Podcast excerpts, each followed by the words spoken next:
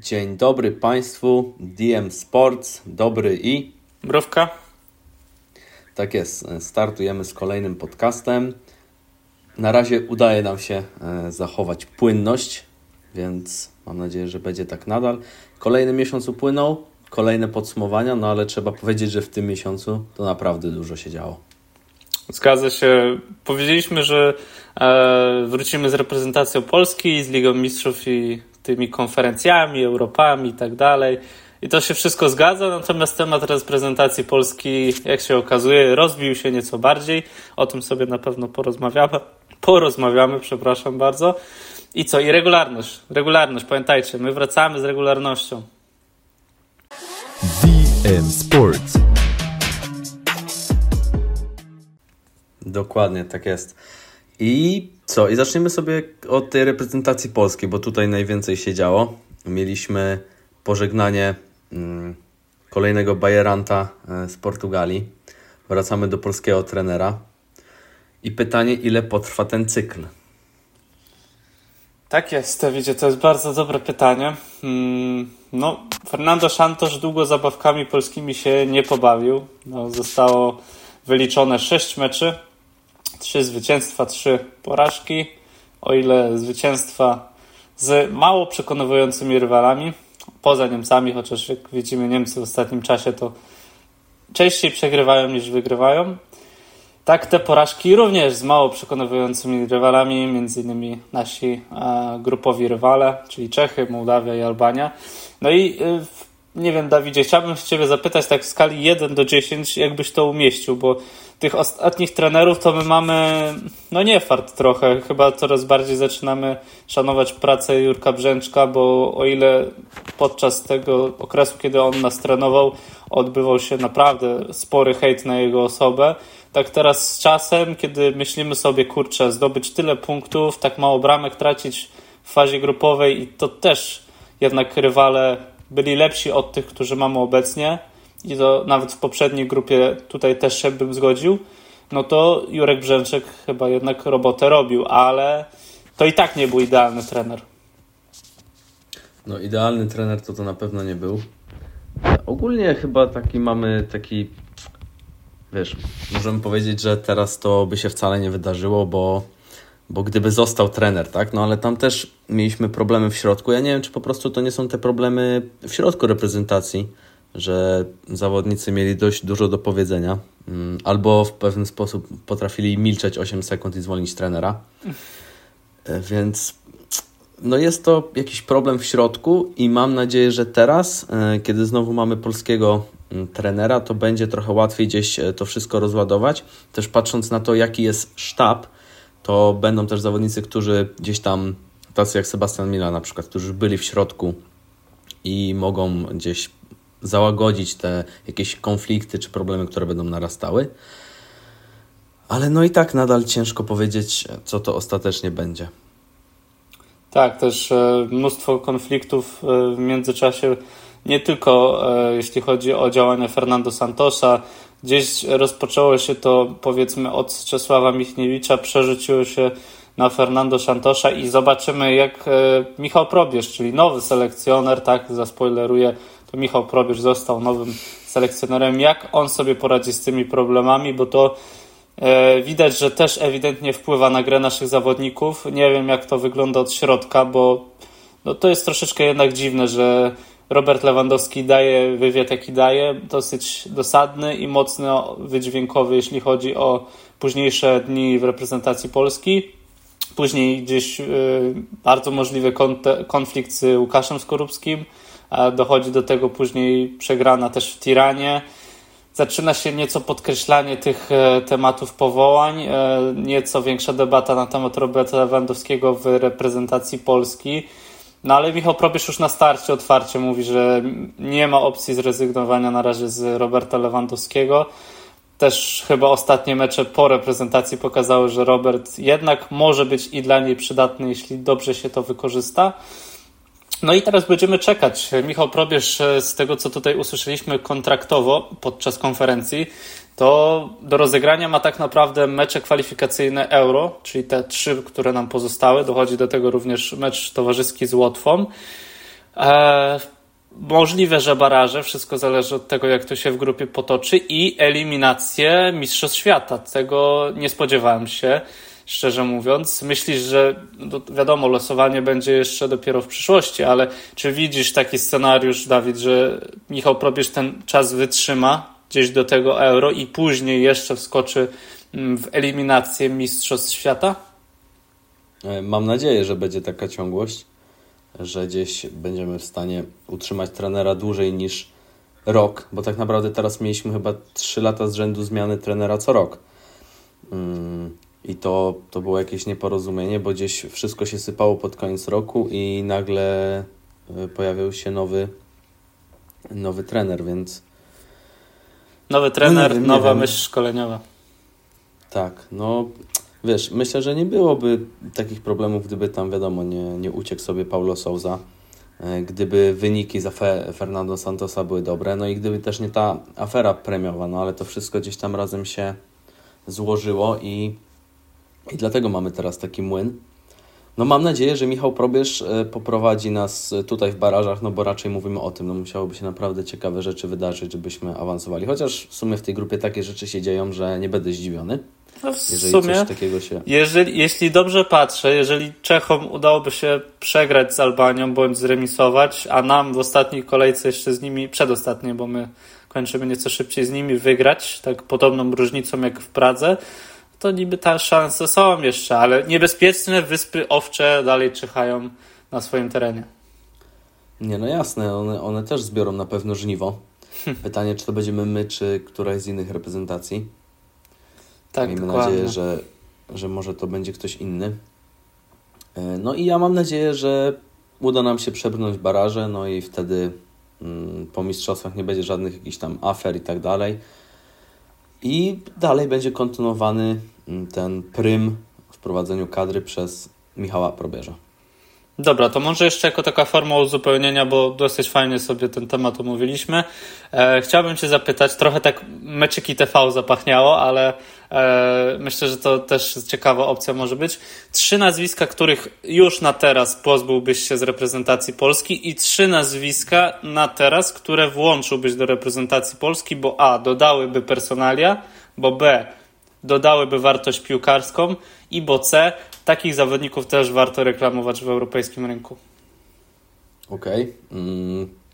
Pytanie moje tylko brzmi, żeby to doprecyzować, czy to mają być trzej zawodnicy, których bym dodał, których jeszcze nie było w tej kadrze, czy powiedzmy byli, ale na przykład, e, nie wiem, w sensie byli, ale niekoniecznie byli wykorzystywani. Powiedzmy, że mają mniej niż dwa mecze w reprezentacji.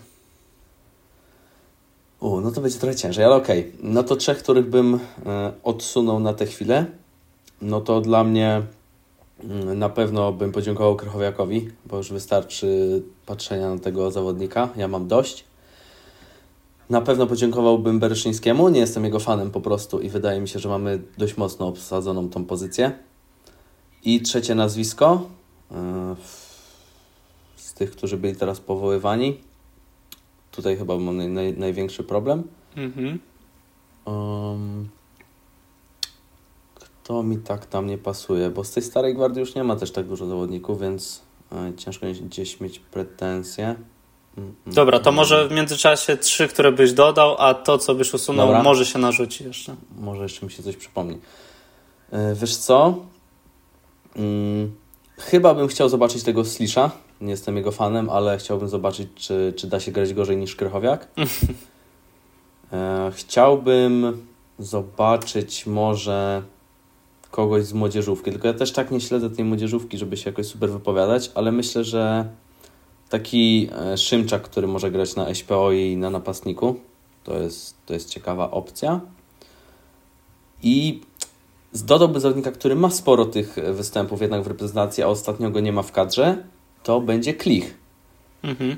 Bo chciałbym zobaczyć, czy, czy on by mógł gdzieś tam trochę w spokoju nam w tym środku pola dawać, bo jak wiemy, że jak grał w reprezentacji, to po prostu nie zawodził.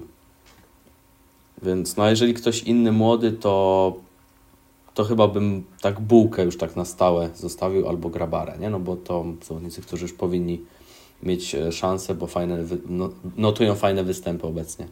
No tak, myślę, że kwestia bramkarza już po Euro będzie coraz, coraz bardziej osądzana, bo jednak Wojtek Szczęsny sam przyznał, że więcej niż chyba 3 lata, jeśli to było przed Mundialem, to już więcej nie chce grać dla reprezentacji Polski. Ten czas zbliża się coraz bardziej, więc pomału gdzieś jego następcę trzeba będzie wprowadzać i się okaże, e, czy to ktoś będzie z tej trójki Grabara, Bułka, Skorupski, czy może jeszcze jakiś niespodziewany talent e, dołączy do, tej, do tego ekskluzywnego grona. No ale bardzo fajnie się powiedziałeś też, widać, że jest różnorodność, będzie, będzie w czym wybierać. Może ja od siebie bym jeszcze... Jeszcze sobie, jeszcze, tak, to możesz powiedzieć, a ja sobie tylko przejrzę, kto był powołany Mhm. na reprezentację, żebym wiedział, kogo bym tu chciał mm, od... zabrać z tej kadry. Mm, No i- ty możesz mówić. Myślę, że pozbycie się Grzegorza Krychowiaka to rzeczywiście już jest najwyższy czas. Jest 100, repre- 100 występów reprezentacji to o 40-30 chyba jednak za dużo.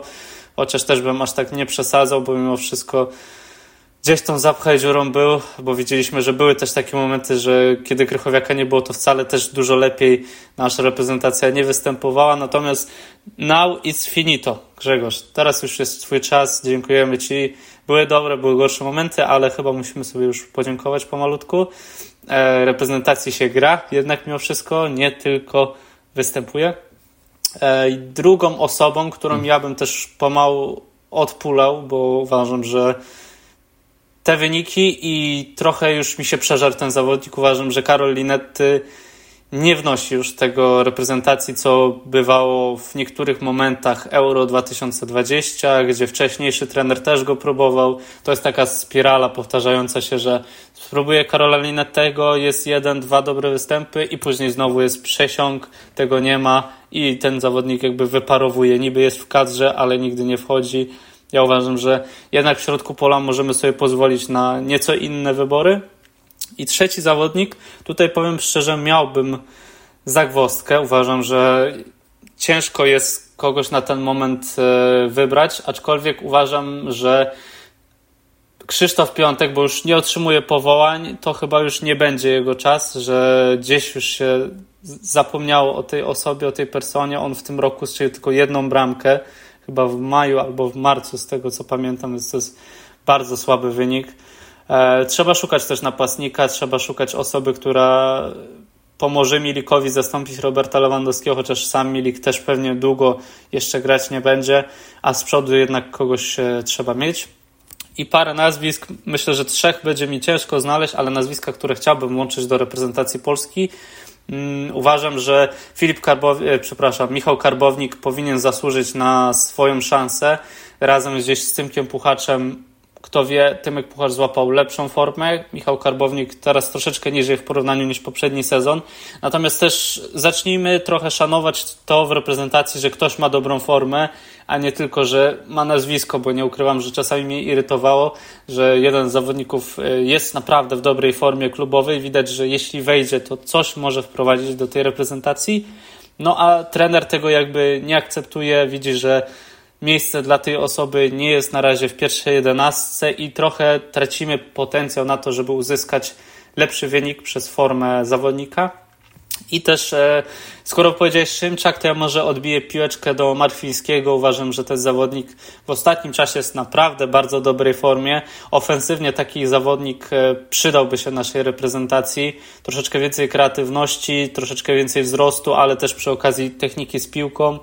No naprawdę fajnie mi się wydaje, odnalazłby się gdzieś w okolicach e, niedaleko Roberta Lewandowskiego, może też gdzieś bliżej e, lewej flanki, jak to się okaże. Zobaczymy, jak Michał Probierz będzie miał na to, na to pomysł i, i chyba tyle, jeśli chodzi o, o mnie i o reprezentację, bo nie wiem, czy coś jeszcze chcemy tutaj dopowiedzieć. E, Ja się z tą zgodzę z tym Tymkiem Puchaczem i Linettego też bym chyba dorzucił, że rzeczywiście to jest gdzieś ta zgrana karta i no po prostu on nie siedzi. Dlatego zgadzam się z Tobą tutaj.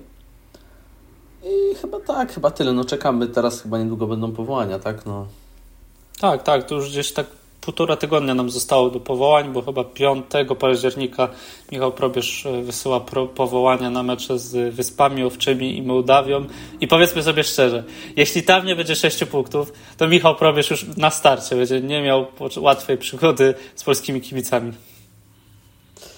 No, z kibicami, kibicami, wiesz, mi się wydaje, że teraz też się troszeczkę perspektywa zmieni pod tym kątem, jak oni będą grali. To też prawda. E, że tu będzie też bardziej wymagane od piłkarzy, bo widzieliśmy, jak oni ostatnio grali i no nie możemy też wszystkiego zrzucać na trenera, według mnie. Tak, jak najbardziej. Natomiast no, z takimi rywalami oczekujesz jednak chyba 6 punktów, pomimo tego, co działo się w przeszłości. Mam na myśli problemy z wyspami u siebie, porażkę z Mołdawią na wyjeździe. Mhm. To już nie ma czasu na pomyłki, trzeba nie, no po tak, prostu tutaj, wygrywać. Tutaj 6 punktów jest, jest jak najbardziej wymagane. Dobrze, przenieśmy się może w takim razie z, to, z terenów polskich na nieco bardziej europejskie, na tą największą scenę, czyli na Ligę Mistrzów oraz Ligę Europy, konferencji. Najpierw Liga Mistrzów. Rozlosowano grup, grupy, bo kiedy my nagrywaliśmy ostatni podcast, to o tych grupach jeszcze powiedzieć nie mogliśmy. E, może powiedzmy tylko o tych najciekawszych, bo tutaj wyniki w większości spodziewane, natomiast gdzieś możemy omówić te grupy, które najbardziej nas przykuwają. Dawidzie obstawiam, że jest jedna grupa, która według Ciebie jest taką typową grupą śmierci jak co roku. No wiadomo. E, I tak jak popatrzysz, no to wiadomo, że powiemy o grupie F. No nie ma bata, nie? Jakby są tu same, same potęgi. Chyba mocniejszej grupy się nie dało stworzyć. PSG, Newcastle, Milan i Dortmund. Czytam to w takiej kolejności, jak znajdują się obecnie w y, tabeli tej swojej grupowej. Mhm. I chyba jest pewne zaskoczenie do tego, jak Milan nie dał rady wygrać z Newcastle. Bo to był taki mecz, w którym gdzieś ta ekipa Mm, Milanu kopała się po czole. W ogóle Milan taką lekką zadyszkę chyba ostatnio złapał, patrząc na to e, też co działo się w derbach, nie? No ale tak. to do Serie A przejdziemy za chwilę. Więc no to jest grupa śmierci, ale z takich ciekawszych grup, no to też na pewno grupa E, która, która jest też w miarę taka moim zdaniem wyrównana, bo mamy dwa mocne zespoły i dwa takie średnie. A nie wiem, jak, jak ty to jeszcze tutaj widzisz. Ja bym e, zwrócił uwagę na grupę B, pomimo tego, że drużyny, które są w tej grupie, jako tako nie są w najlepszej formie, bo mówimy tutaj, ok, Arsenal jest w formie, on to pokazuje, też pierwszy mecz wygrany z PSV 4 do 0 mówi sam za siebie.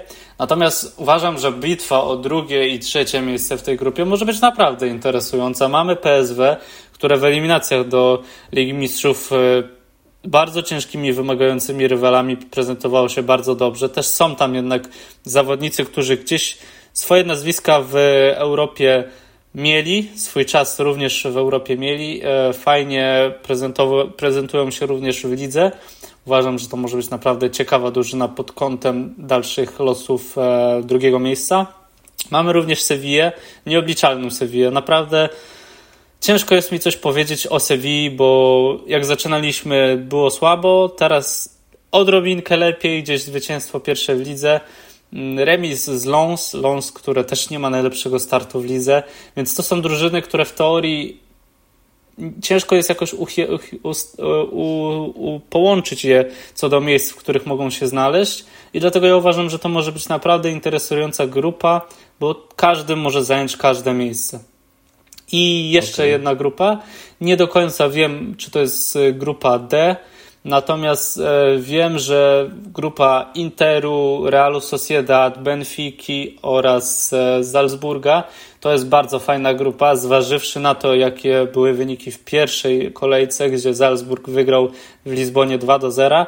Natomiast Inter z Sociedad przywiózł tylko jeden punkt. To zwiastuje nam naprawdę walkę do samego końca, mi się wydaje, o to, e, aby zająć miejsca gwarantowane playoffy.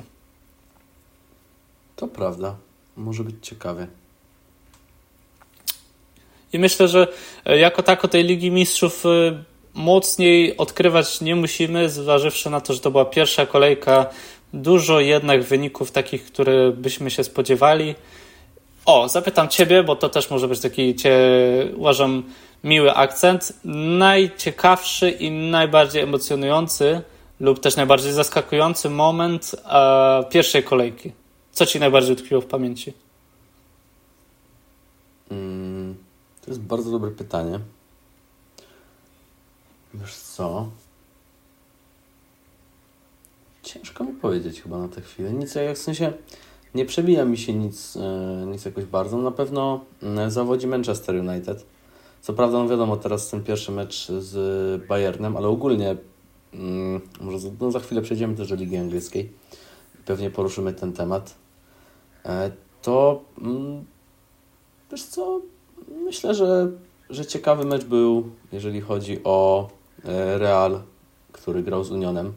Zwycięstwo 1-0 i kibice Unionu, którzy świetnie się bawili w Madrycie. Jeżeli, jeżeli dobrze mówię, jeżeli nie, nie wolnałem z jakiegoś błędu, nie, dokładnie w Madrycie. Więc jestem ciekawy, jak ten Union będzie się prezentował w dalszej części tych rozgrywek. Nie mówię, że to będzie czarny koń, ale może to być ciekawa ekipa. Tak, też tym bardziej, że do remisu brakowało 3 minut chyba, z tego co pamiętam. Hmm, dokładnie.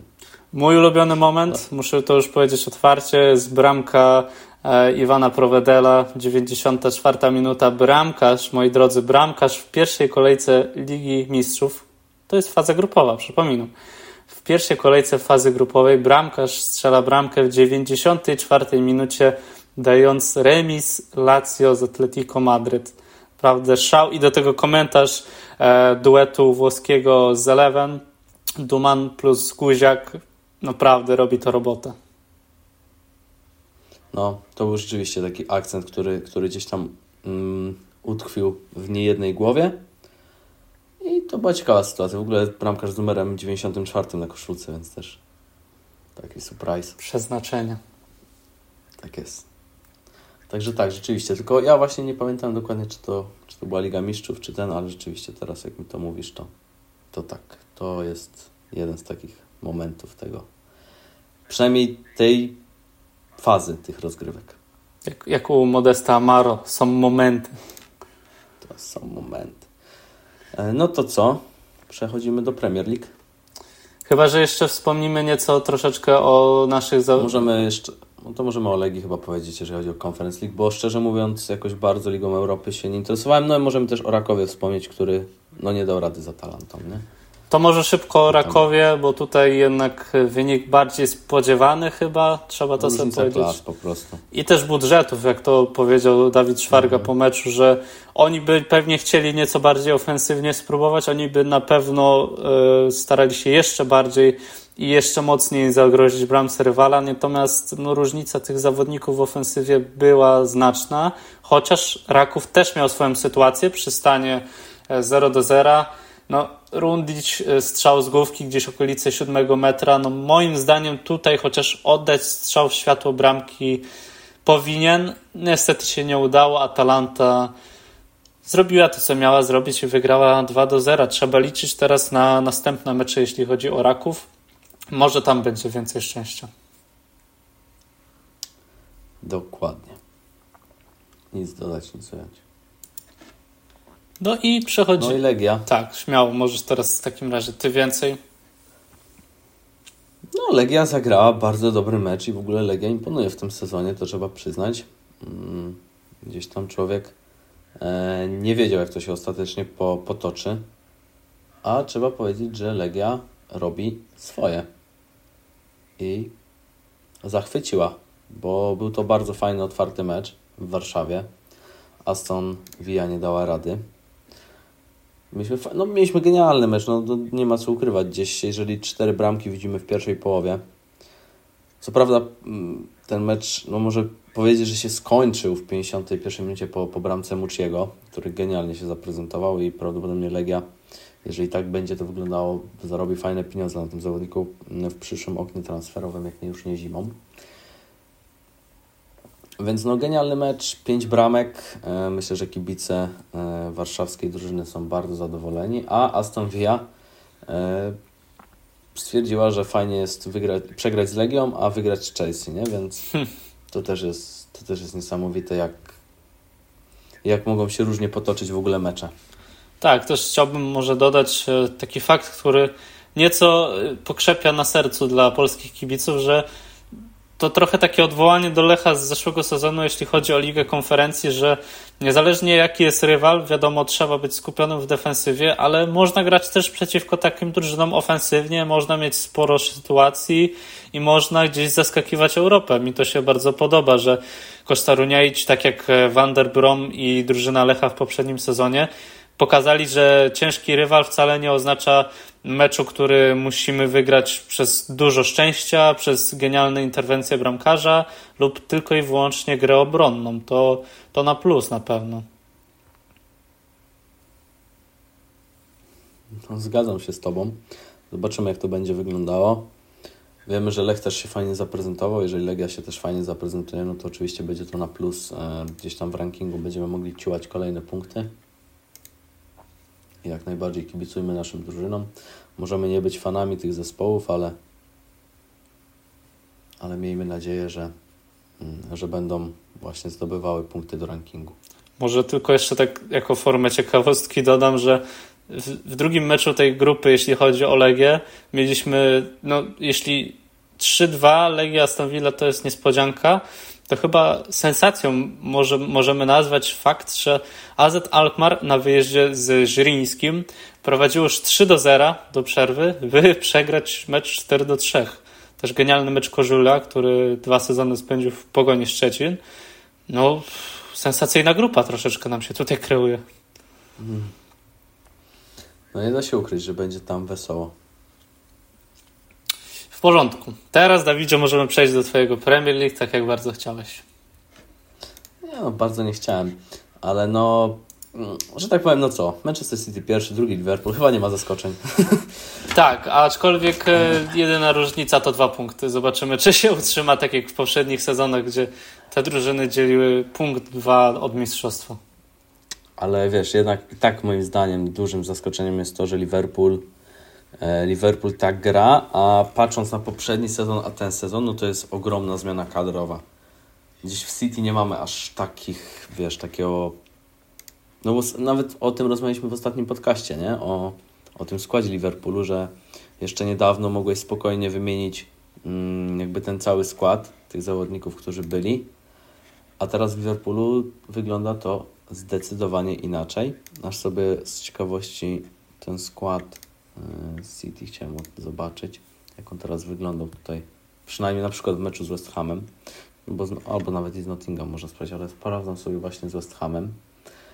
I tutaj z takich większych zmian, no to, no to oczywiście Guardiol i Doku, ale tak, no to mamy zawodników, którzy w zeszłym sezonie e, pokazywali się bardzo często w ekipie Pepa Guardioli. Zgadza się. Jeśli chodzi o czołówkę, to tutaj też możemy wspomnieć o, o Brighton, które świetnie wygląda pod batutą Dezerbiego. E, nie, no to jest w ogóle fenomen jakby, nie? Tak, zgadza się. Uważam, że taki projekt jest potrzebny lidze angielskiej, że nie tylko te wielkie finanse w klubach z top 6, ale można też swoim sposobem gry i też dobrymi transferami, niekoniecznie za wielkie miliony, budować drużynę na górną część stawki. No, obecnie możemy, teraz przechodząc do takich rozczarowań początku tego sezonu, no to mm, Burnley, które no, gra piach, a no, wiemy, że z dość sporą przewagą w ogóle punktową skończyło zeszły sezon mm, Championship i to jest zaskoczenie, że aż tak słabo idzie drużynie Vincenta Kompanego. Vincent Wykompany. Tak. No i Chelsea, nie? No jakby chyba nie tak to miało być. Spokojnie, kolejny miliard w drodze do wydania w zimowym okienku transferowym. Teraz uda się wygrać nie tylko z Newton, ale z Sheffield. Ale nie wiem, czy widziałeś tego mema. Odnośnie teraz, przeskoczę teraz odnośnie byłego zawodnika Chelsea, obecnie Arsenalu, e, Kaja Havertza. Został ochrzczony mm, właśnie, że jest e, agentem 007. Tak, zero, zero bramek, bramek zero, zero asyst. asyst, 7 meczy. No niesamowite. Czyli Chelsea chyba nie taki najgorszy interes zrobiła na, na tym zawodniku. No, na Masonie Maucie też myślę, że całkiem niezły transfer mm. dokonali, bo to też zawodnik, który moim zdaniem zniknął z pola widzenia gdzieś na rok troszeczkę. Jakby totalnie A może Chelsea po prostu, wiesz, specjalnie chciała tam do innych klubów wpuścić tych zawodników, którzy od środka to rozwalą. No, Jorginho w meczu z Tottenhamem ładnie się zaprezentował. Bardzo ładne podanie otwierające do Jamesa Madisona na 2 do 2. Trzeba przyznać, że genialna piłka. No i Tottenham Arsenal podzielili się punktami w derbach. Mają tyle samo punktów w tabeli. W ogóle mają bardzo zbliżone statystyki, jeżeli chodzi o, o, o mecze i no identyczne w sumie, jedynie bramkami to się wszystko różni. Też Tottenham dobrze się prezentuje. Myślę, że naprawdę. Tak, no to jest chyba, to też jest takie pozytywne zaskoczenie. No jakby, się, jakby sezon skończył się taką piątką czy szóstką, no to chyba nie bylibyśmy jacyś wielce zaskoczeni. Pierwsza szóstka. No może, City, może szóstka, tutaj ta Aston Villa troszeczkę mi wadzi, bo widzę, że szósta jednak mógłby się tam złapać ten Manchester United albo Newcastle. Swoją drogą Newcastle, wyłączając ostatni mecz, miał zdobytych 8 bramek. No i to jest poziom powiedzmy Brentford, Nottingham. Teraz ma bramek 16 po tym jak władowali 8 bramek Sheffield i mają najwięcej bramek nie... w lidze obok Brighton. I to Manchester jest niesamowite. City. To jest niesamowite, mruwa, bo oni strzelali w tym meczu średnio co 12 minut. Nie bywało. Niesamowita historia. Jakby strzelili 9 bramek, to ta średnia by była w ogóle genialna. Co 10 minut. Idzie, jesteś 10 minut, dobra, idę szybko do sklepu na 2-3 minuty, wracam, jest bramka. Ale mówiąc o tym, co powiedziałeś, no to zaraz przejdziemy pewnie do La Ligi. I tam powiemy o wyjściu do toalety na 10 minut. A nawet chyba mniej. Więc yy, i tam można w ogóle przejść i zobaczyć inny wynik meczu. No ja też tam powiem kilka słów na ten temat. Cytujących, cytujących nawet. Dobra. E, I co? I no tutaj górne rejony w sumie zaskoczeń nie ma, ale ja ci powiem, że te dolne rejony to też takich wielkich zaskoczeń. Znaczy poza Burnley, które nastawiało się niby na walkę o środek e, tabeli. Tak tutaj Sheffield, Luton, Bournemouth, gdzieś Everton się kręci. To są takie drużyny, które chyba widzielibyśmy do spadku w Premier League ostatecznie. No bardzo możliwe, no, no jednak są to ekipy. W ogóle powiedzieć, że w Anglii są to ekipy z niskim budżetem, to brzmi Ach. śmiesznie. Bo tam najsłabszy klub mógłby wyciągnąć jakiegoś zawodnika za 40 milionów z La Ligi na przykład. Nie jestem pewien, czy Luton nie wydało więcej na transfery niż Barcelona, szczerze mówiąc. No, tylko wiesz, inna sprawa, jacy to są zawodnicy poziomowe jednak. No, Oriol Romeo gra. Gdzieś tam te fikołki transferowe potrafi, potrafi zrobić przy obecnej sytuacji. No, Erling Haaland najlepszym strzelcem, to bez zaskoczeń chyba. Nie ma co się dziwić. Ja w szoku. Tak, mruwa. Usiądź, żebyś się nie przewrócił. Dobra. I co? Czy coś jeszcze o Premier League? Chyba nie. No nie, no to Manchester United może jeszcze jako taką możemy powiedzieć, że... Ale to bez zaskoczeń. United jest średniakiem obecnie moim zdaniem. Dalej słaby bramkarz w sumie. Ej, ale w ogóle DH gdzieś poszedł, czy on ten... Nie, to jest dalej wolny zawodnik. Ma. To jest dalej wolny zawodnik. Niesamowite. Niesamowite. Ciekawe. Ale to ciekawe, to musiało coś chyba upaść, no bo to tak nie, nie spodziewałem, żeby no, no jednak, no może nie powiedziałbym topowy, ale bardzo dobry, dobra, dobry bramkarz z ogromnym doświadczeniem nie miał w, pod koniec września klubu. Myślę, że szczerze mówiąc, taki. Ja bym go widział osobiście w klubie Monaco, czyli aspirujący do mistrzostwa, a Monaco też często ma problemy z bramkarzami. Po tym, co e, Kobel potrafił odwalać w Monaco, to nie jest tam zawsze dobrze e, objęta bramka, jeśli chodzi o Monako. Kto wie, może taki transfer by się, by się im przydał. Gorzej z grom nogami, wiadomo. Nie, no jasne, wiesz. Ja pamiętam, jak e, Victor Valdes poszedł do Manchester United, e, potem, potem jakieś wypożyczenie do Middlesbrough i, i zakończenie kariery. Więc jestem tutaj zaskoczony, że jakby taki, taki Dawid Decha, który no, cały czas gdzieś jest tam zawodnikiem. Chyba, że on liczył, że pójdzie do Realu, tak? No, chyba, że, że... No zabrakło kilku sekund chyba z tego, co pamiętam. Mm. No to fajnie. E, więc e, no ciekawe. Ciekawa jest to sytuacja. Jestem ciekawy, gdzie on ostatecznie trafi. Czy po prostu gdzieś tam, czy może Arabia, czy na przykład MLS. No zobaczymy. No i dobra. to co? Lecimy sobie dalej. Która teraz liga? Która teraz liga? No liga chyba, nie? Tutaj bez... Liga, liga, liga, liga. Tak, możemy sobie od razu nawiązać do tego meczu, którym już napomknęliśmy, że wychodzisz sobie w 80 minucie do toalety, wracasz w 90 i jest zupełnie inny wynik na, na tablicy świetlnej. Tak, i teraz chciałbym powiedzieć cytat, który powiedziałem, są na to świadkowie, bo nie oglądałem meczu sam. Po bramce yy, na 2 do 0 dla Celty Vigo padły słowa dobra, już mecz jest przegrany, oszczędzaj tego Lewandowskiego, niech odpocznie, bo sam narzeka, że ostatnie 15 minut meczu jest najgorsze. No i dlatego właśnie nie jestem trenerem FC Barcelony. No to ciekawie, mruwa. No, ale niesamowite jest to, jak gdzieś tam nagle Barcelona potrafiła odpalić. I chyba doceniłbym to wejście do drużyny Joa Felixa, no bo niesamowite jest to, jak on się kopał po czole w Chelsea, jak się kopał po czole w Atletico, a jak dobrze wpasował się gdzieś do tej taktyki Szawiego. No, bracia Joao ewidentnie chyba podpasował im ten styl gry. Zobaczymy, jak to będzie na dłuższą metę, bo jednak sezon trwa troszeczkę więcej niż 2-3 tygodnie. Jestem ciekawy, jak po prostu na dłuższym etapie sezonu to będzie wyglądać, natomiast na razie jest bardzo zachęcająco. Nieco mniej zachęcająco oglądało się Real Madryt w niedzielnym starcie e, z Atletico. E, chociaż akurat ja oglądałem to starcie z całkiem wielką przyjemnością. Muszę powiedzieć, że zaskoczony byłem tym, jak słabo funkcjonował Real Madryt.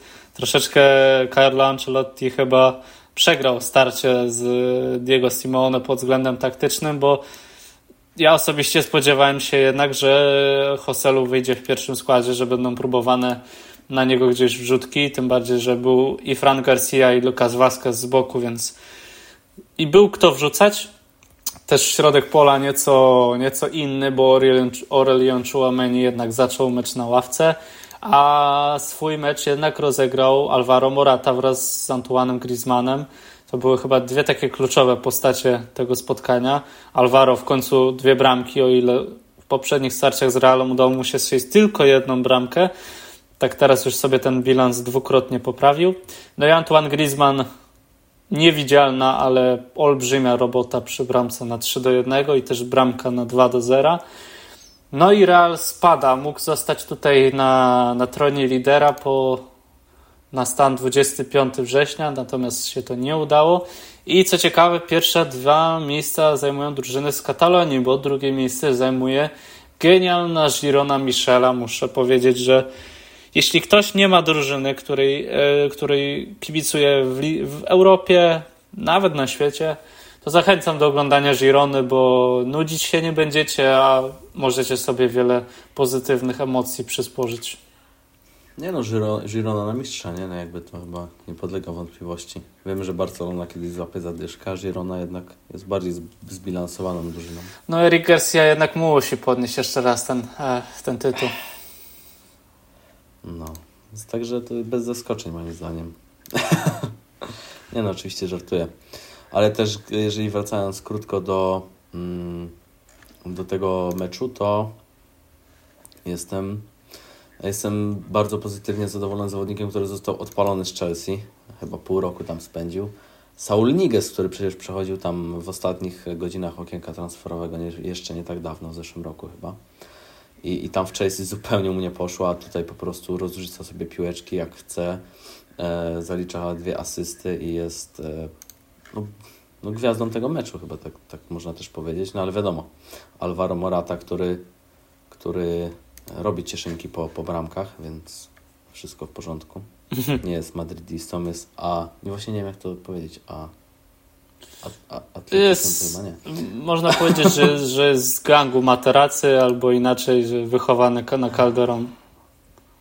No więc e, bardzo fajnie, w ogóle bardzo fajnie Atletico wygląda w tym sezonie i, i zobaczymy, czy po prostu nie będą mieli takich, takich e, błędów, kiedy, kiedy wiesz, w sensie taki, no, takiego może nie błędów, takiego po prostu gdzieś zjazdu, nie? Tak jak na przykład w, ostatnim meczu z Lazio. No i ten też mecz z Walencją, bo był mecz e, z Walencją hmm. przegrany 3 do 0 i tam Atletico wyglądało akurat tragicznie. To były dwie różne, różne drużyny w perspektywie tego meczu chociażby z Realem, ale widać, że Diego Simeone wpłynął jednak na, na zespół i udało się troszeczkę ten, ten króciutki, ale kryzys przezwyciężyć. Tak jest. No i coś jeszcze byś chciał tutaj odnośnie Ligi dodać? Czy, czy, czy, może ktoś jakoś tak fatalnie wygląda i... No mam nadzieję, że Sevilla się w końcu obudzi i gdzieś skoczy na wyższe tory. Eee, I Betis, też średnio punktujący Betis. Myślę, że Pellegrini ma nieco większy problem, jeśli chodzi o grę defensywną, bo tutaj już 11 bramek straconych. Popatrzymy sobie w tabeli, no to Celta Vigo, które jest w strefie spadkowej, ma mniej bramek straconych, to też nieco, nieco pokazuje stan drużyny. Natomiast transfery, które gdzieś odchodziły z tej ekipy, e, nieco zburzyły stan rzeczy, jeśli chodzi o grę defensywną. Teraz Betis będzie musiał się przemęczyć do okienka zimowego i tam później szukać jakichś wzmocnień. Na ten moment najlepiej to tak nie wygląda. I reszta jest już tutaj mniej zaskakująca. Widziałbym tylko Hetafę tak z pięć oczek niżej, może sześć nawet, żeby sobie tutaj na czerwonym miejscu posiedzieli do końca sezonu. No, patrząc na tą ostrą grę, to rzeczywiście. Tylko pytanie, czy chcemy, żeby te, ci zawodnicy, którzy mają jeszcze niższe pensje w La Liga 2, że tak powiem, mieli też problemy z kontuzjami. No ale dobra. E, skoczymy sobie w takim razie e, trochę na wschód, z e, Hiszpanii do, do Bundesligi, pozostając w sumie cały czas na zachodzie, ale, ale wiadomo o co chodzi. Tym takim najbardziej wschodnim zachodzie. No, no jeszcze jest Polska. A, ale chodziło o nas. Już od, nasza, nasza już jest granica. Nasza już jest granica. Tak. Dobra, my jesteśmy wschodem. No to co? Można powiedzieć krótko, że od takiego Lecha to i Mainz by dostało w trąbę. E, chociaż Lech też nie wygląda najlepiej. Ale no Mainz y, ambitnie, ambitnie w tym sezonie jeden punkt. Jak na razie Darmstadt też, no i FC Köln to jest też taki moim zdaniem minus tego sezonu, bo, bo raczej widzieliśmy ich trochę wyżej. No i Gladbach, bo jednak Gladbach nam się bardziej kojarzy z taką ekipą bardziej środka tabeli albo wyższego poziomu. Tak, aczkolwiek patrzymy sobie w górę i tutaj jest miłe zaskoczenie w postaci Stuttgartu, który mhm. tylko punkt straty notuje do, e, do drużyny Bayernu Monachium oraz e, Bayeru Leverkusen. To pozytywnie myślę, dziś może wpłynąć tak, taki troszeczkę powiew świeżości w stosunku do chociażby do zespołów takich jak e, Union Berlin, który się też wzniósł całkiem wysoko, czy też Freiburg, który potrafił zaskakiwać w ostatnim sezonie.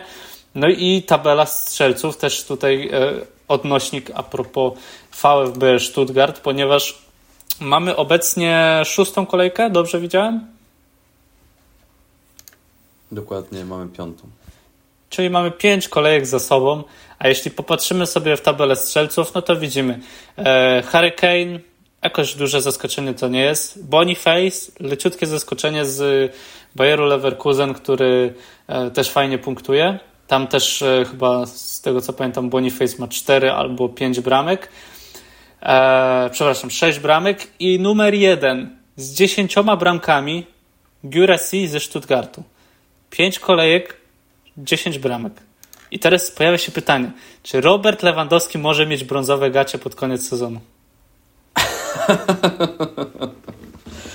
No, jeżeli utrzyma ten, mm, ten impet, no to tak, chociaż e, ja, mi się wydaje, Murawa, że musimy rozważyć. Oczywiście, trzeba pogratulować temu zawodnikowi, ale myślę, że w pewnym momencie po prostu gdzieś tam on e, powie pas i zakończy tą, tą zabawę strzelecką. Ale trzeba porozmawiać o konkretach. Czy mistrzem będzie drużyna Bayernu czy Bayeru? Hmm. Hmm, hmm, hmm. To jest dobre pytanie. Patrząc, A może Lipsk? Patrząc na obecną grę, to ja widziałbym podium e, Bayer, Lipsk i Bayern. mhm. patrząc oczywiście na grę. Natomiast wiemy, że gra nie zawsze idzie w parą ze zdobyczą punktową. Aczkolwiek, e, no ja wydaje mi się, że ten e, prym Bayernu w Niemczech w tym sezonie akurat może zostać załamany i nie mówię tutaj już o Borussii Dortmund, bo Borussia Dortmund ma swoje problemy.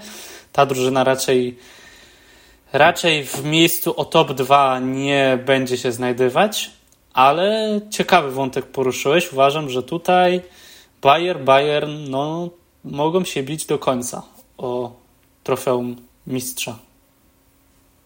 No jestem ciekawy, bo Bayer naprawdę fajnie się prezentuje w tej chwili i byłoby to dobre odświeżenie. Pytanie, czy to nie będzie znowu tak, że, że te drużyny wykoleją nam się w pewnym momencie po prostu. Że dojdą do pewnego momentu, będą walczyć z tym Bayernem i potem bum i Bayern znowu jest ekipą najlepszą, ekipą, która gdzieś ucieka sobie swobodnie, ma te parę punktów. No bo Borussia w zeszłym roku zmarnowała bardzo tą możliwość, mm, a tu jednak mamy chyba Bayer Leverkusen, który gdzieś jest trochę mocniejszą ekipą i ma większy potencjał. Większy potencjał pod tym względem, żeby walczyć do końca o, w ten sposób. No ja powiem tak, że tutaj europejskie puchary też będą odgrywały sporą rolę.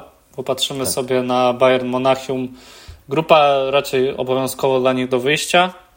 Jak się będą toczyły losy dalszych e, faz, to już zobaczymy po losowaniach.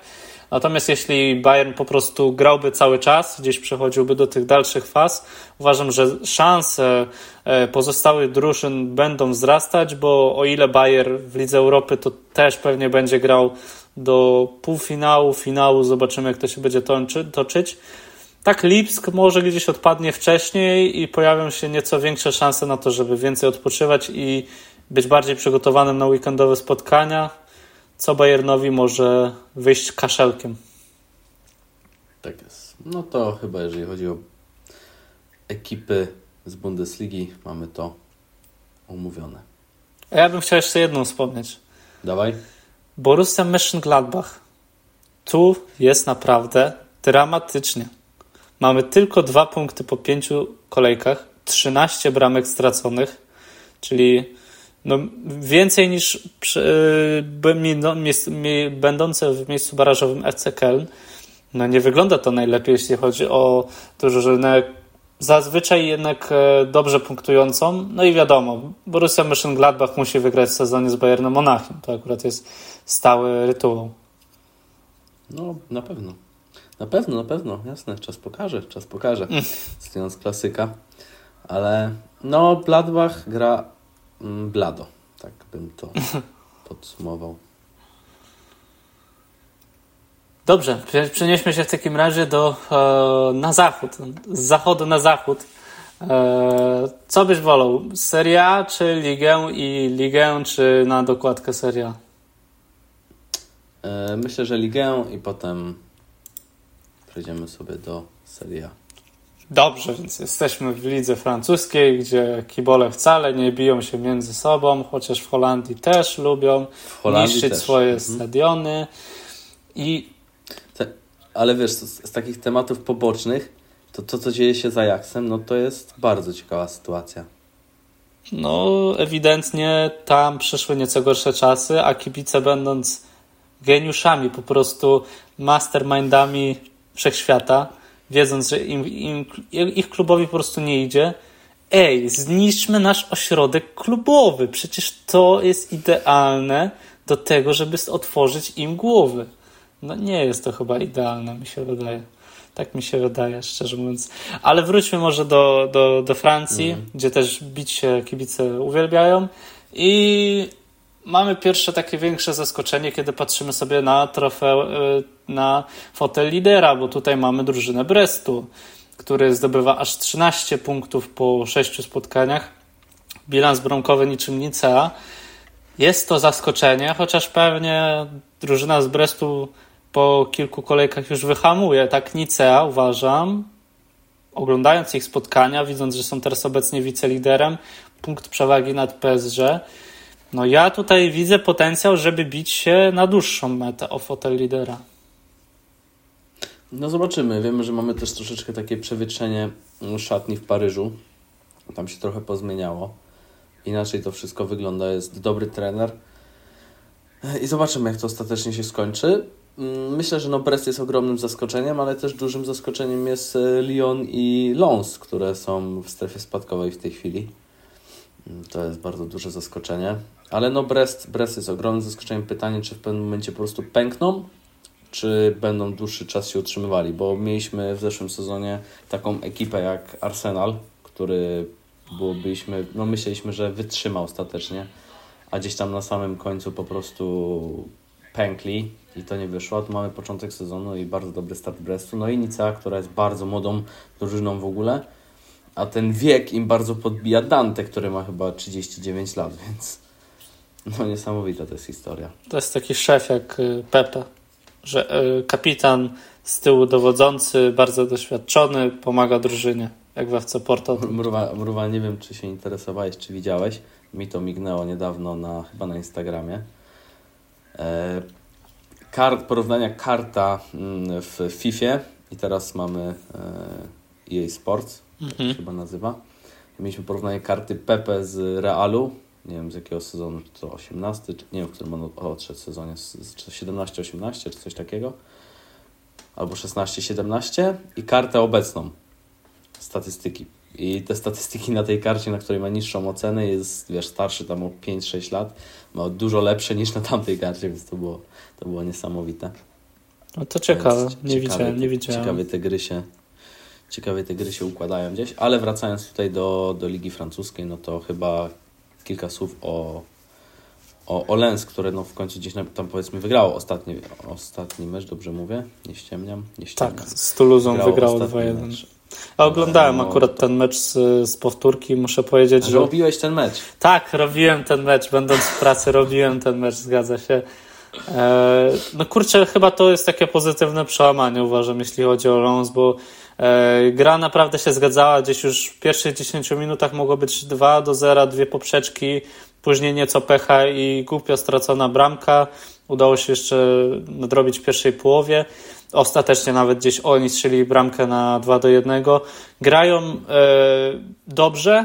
Jeśli to się przełoży na punkty, to zaczną się umacniać w tabeli, no bo różnica między teraz miejscem już szóstym to jest 5 punktów. Nie jest to za wiele, tym bardziej, że to jest start sezonu, może się gdzieś to uda nadrobić.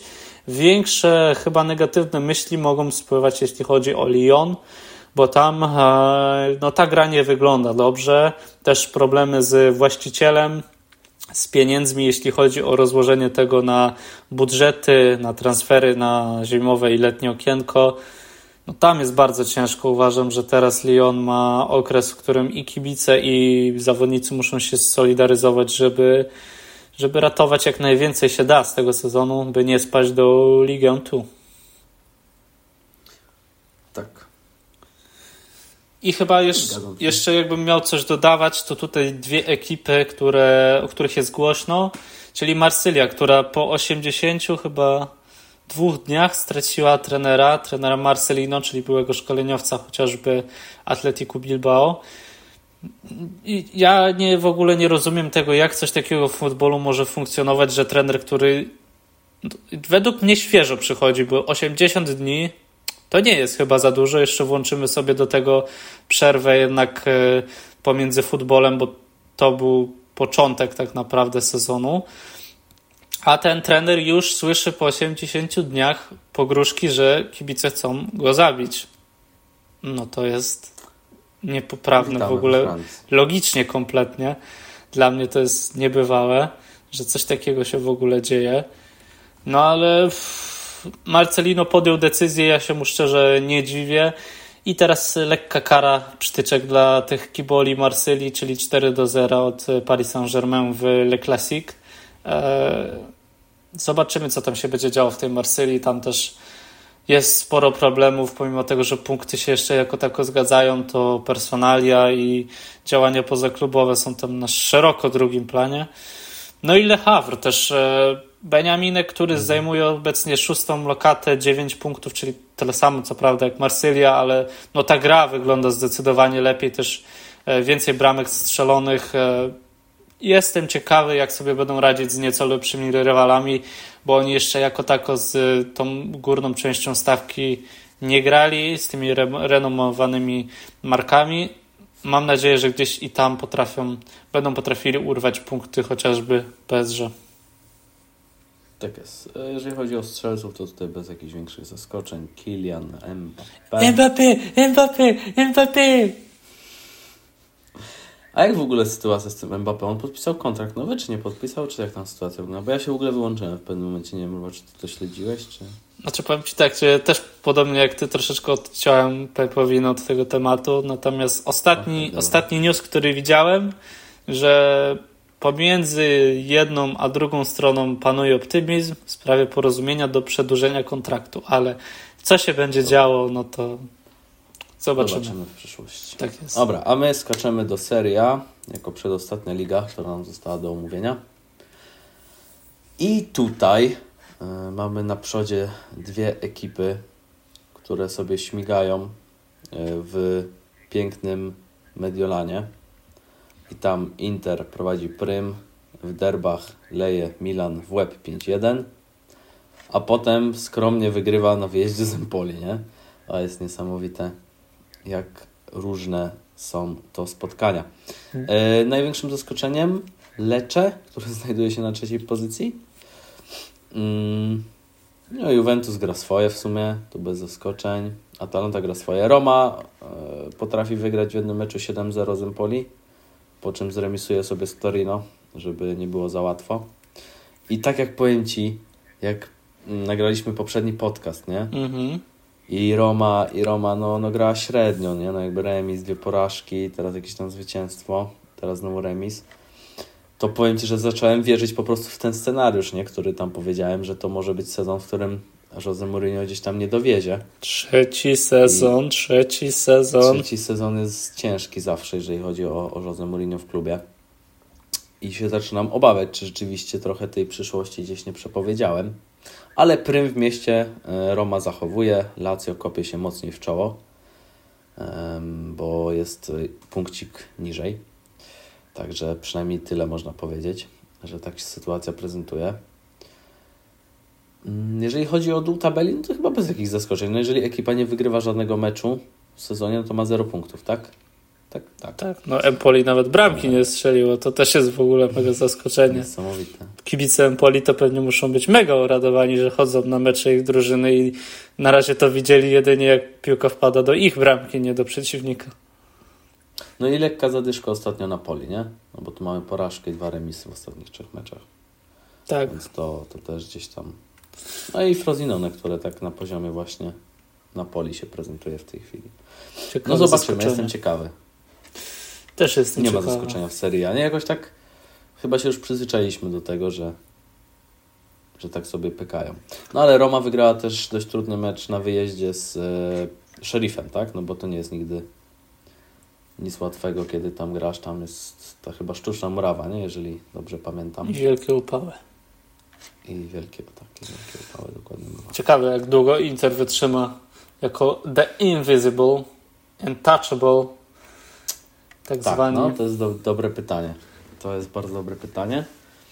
Ale, no ale Inter wygląda najbardziej teraz na, na poukładaną dużo. Chciałbym tylko podkreślić, że od momentu, od momentu kradzieży, powtarzam, kradzieży na Giuseppe Meazza, kiedy wygrali 1 do 0 z Barceloną, po skandalicznej decyzji sędziego o nieprzyznaniu jedenastki w 94 minucie, Inter nie dość, że był w finale Ligi Mistrzów, był w top 3 albo top 4, jeśli dobrze pamiętam, e, jeśli chodzi o e, Ligę Włoską. Teraz wygrywa 5 spotkań jest nietykalny, stracił tylko jedną bramkę.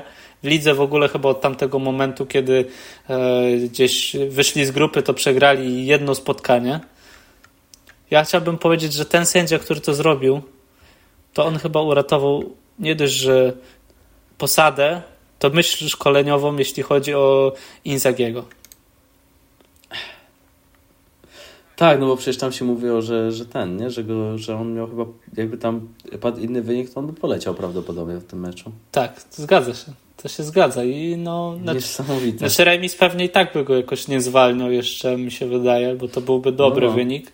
Natomiast myślę, że inny, inny, inny mental byłby Interu po remisie 1 do 1 i straconej bramce w ostatniej minucie i potem trzeba jeszcze mm. jechać do Barcelony, a inny mental jest, kiedy wygrywa się 1 do 0 nawet. No tak, no to masz rację. No to, jest, to jest niesamowite, jak to wszystko może, może się poukładać. No, a tam było w łeb jeszcze z Romą wtedy przed tym meczem z Barceloną. I co? Hmm. I chyba tematy wszystkie, które sobie nakreśliliśmy przed podcastem, mamy omówione. No, możemy, chyba, chyba nie, nie pamiętam, czy wtedy o tym mówiliśmy. E, La Kaka, nie? W Romie.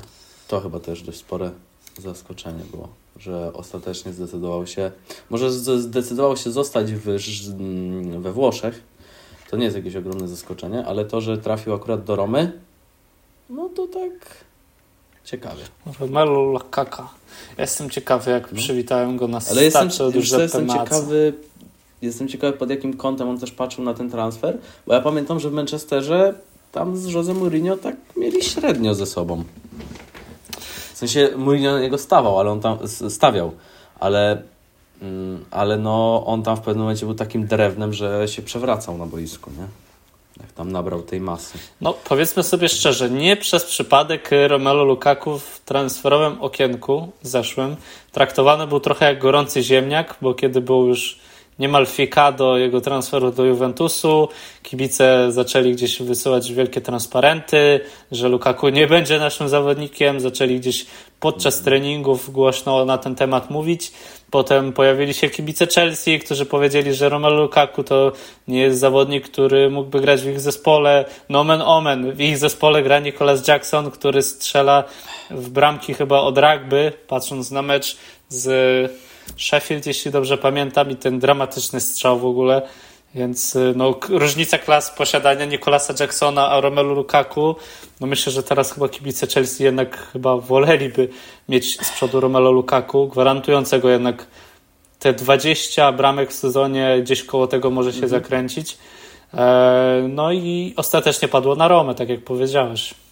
No zobaczymy, jak to wyjdzie ostatecznie. Dobra, yy, mamy przed sobą teraz ekstraklasę. A, no tutaj... Jakże mógłbym zapomnieć. Tutaj mamy na pierwszym miejscu Śląsk Wrocław. 2012 rok, proszę Państwa, wracamy do tych czasów. Sebastian Mila.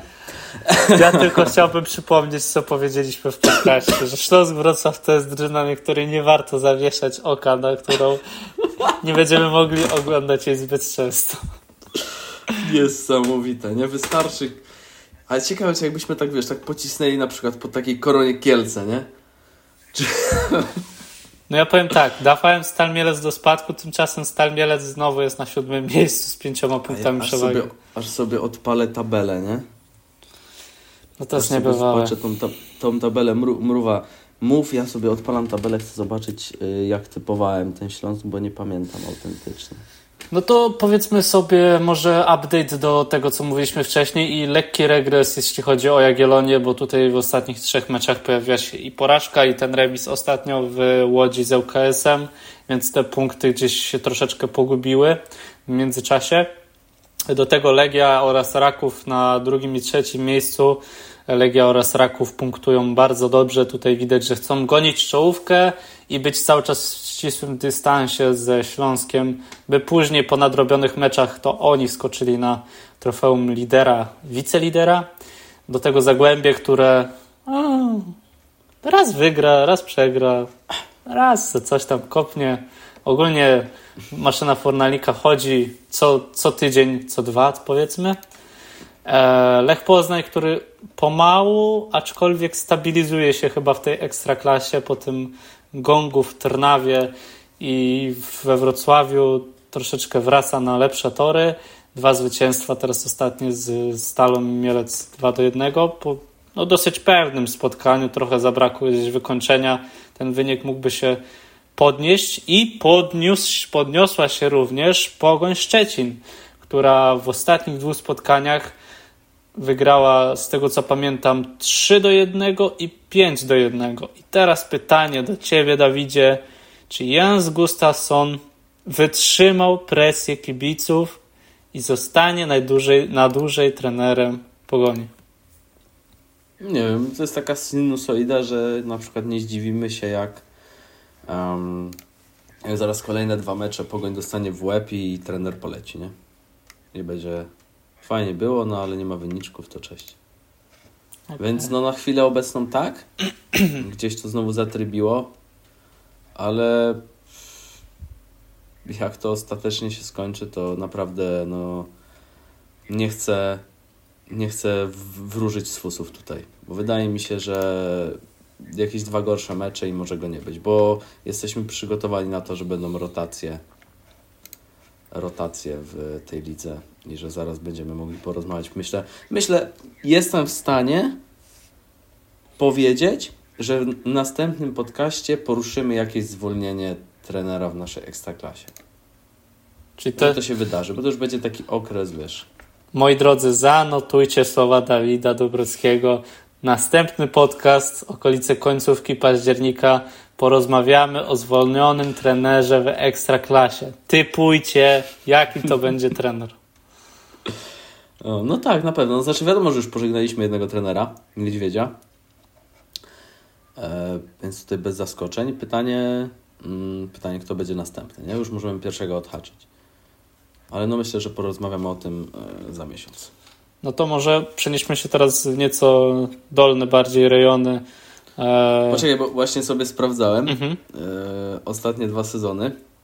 To jest, posłuchaj tego, ostatnie trzy sezony to jest w ogóle naprawdę niesamowita historia Śląska Wrocław. Bo e, sezon 2021 to jest czwarte miejsce i eliminacje do e, Ligi chyba konferencji już. Tak, tak, to chyba była już Liga Konferencji. Chyba tak. I to wtedy trener Magiera tam jeszcze już był pod koniec. Tak, więc e, mamy tutaj te eliminacje, ale jeszcze może sobie tak dla pewności sprawdzę, jakie to były eliminacje, żeby, żeby nie było... Bo nie pamiętam, kiedy był ten przedział, że zaczynamy. E, to były na pewno konferencje, bo Śląsk dostał tak, raz w czapę i od razu odpadli. Mhm, dobra, więc tak, e, to było czwarte miejsce.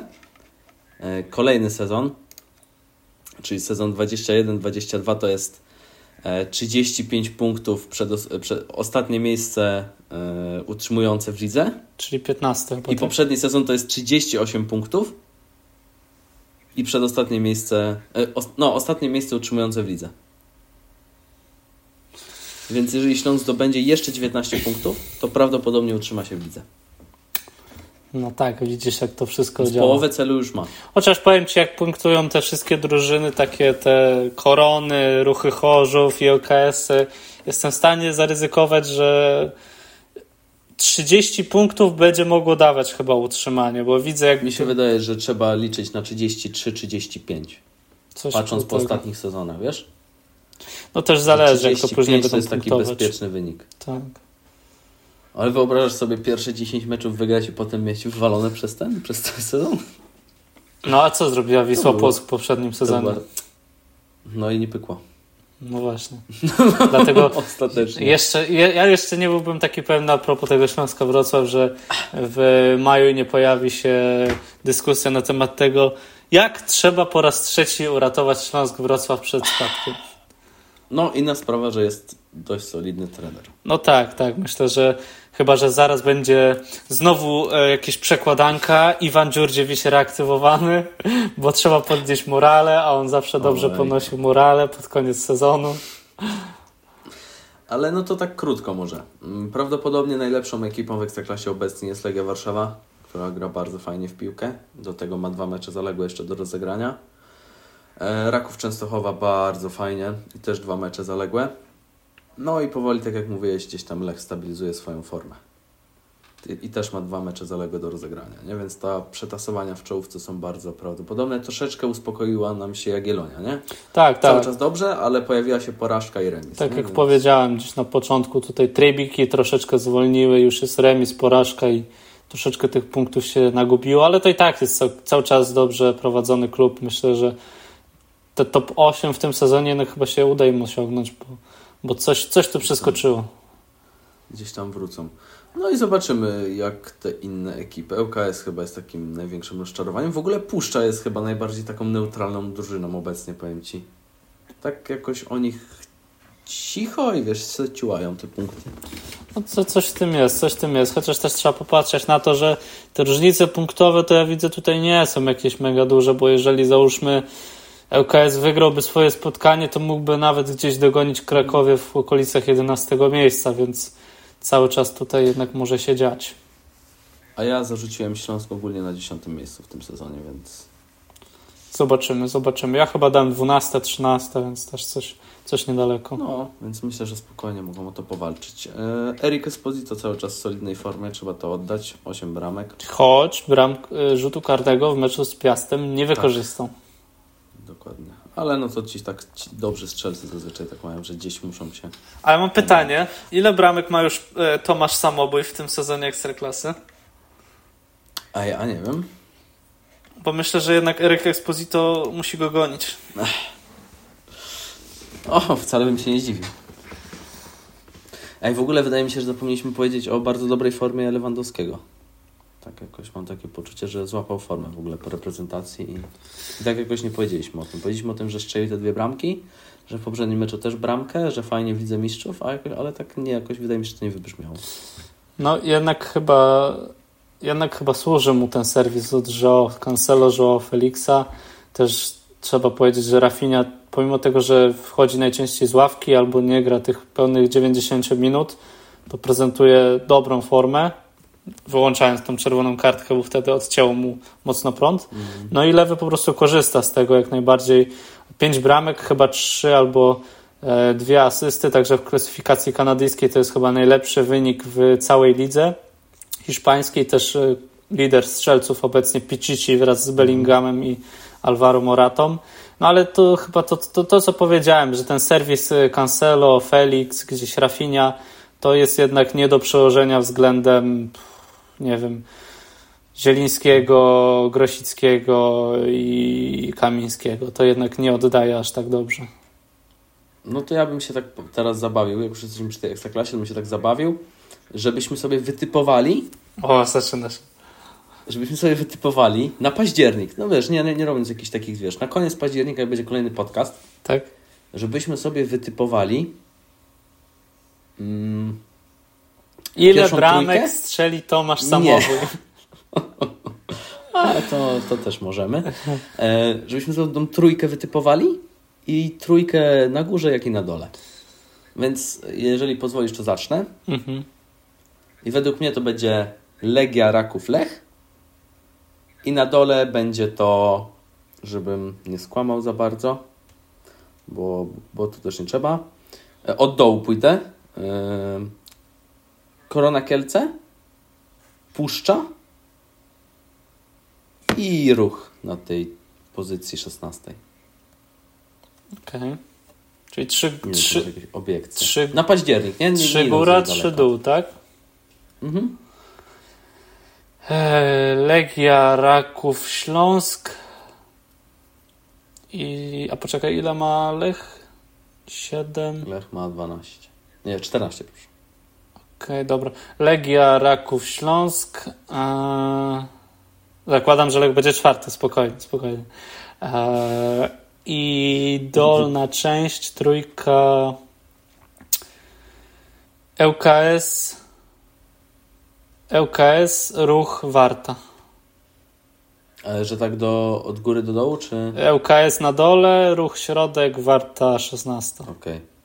Czyli mówisz, że warto jeszcze zlecić. No, No, oglądam Okej, jednak jestem mecze i to je, jednak trener Szurcek chyba więcej wyciągnąć z tego nie może. Tam jest za niskie progi finansowe za to, żeby coś tutaj bronić. Zobaczymy. I nie wiem, ile meczy jest w sumie dokładnie. Od tego momentu, jak nagrywamy, ile tych meczy tam zagrają, ale chyba około czterech pewnie, co? Y, Teraz akurat w środku tygodnia mm, myślę, że trzeba to też wspomnieć. Większość drużyn będzie miał jakby spokojny pauzę i odpoczynek, ale Legia, Raków, Pogoń i Lech będą musieli nadrobić kolejkę, którą mieli zagrać chyba w druga kolejka od startu lub trzecia i mamy starcie Lecha z Rakowem i Legii z Pogonią, jeśli dobrze pamiętam. Więc naprawdę super meczycha się szykują w środę oraz czwartek. No i elegancko. Czy chcemy coś jeszcze powiedzieć? No Legia gra bardzo dobrze, nie? No to to trzeba podkreślić. Jeśli macie kontakt do Tomasza Samobuja, proszę wyślijcie go w DM-ach, chętnie poproszę autograf. DM Sports. Współpraca. Przeprowadzimy ekskluzywny wywiad z Tomaszem Samobujem. Okej. Okay. Mm, no i to chyba tyle. Na tym zakończymy. Godzina 15, więc myślę standard jak na nas. Że jest co posłuchać. Trzymajcie się, spokojnego wieczorku i do usłyszenia. Na razie.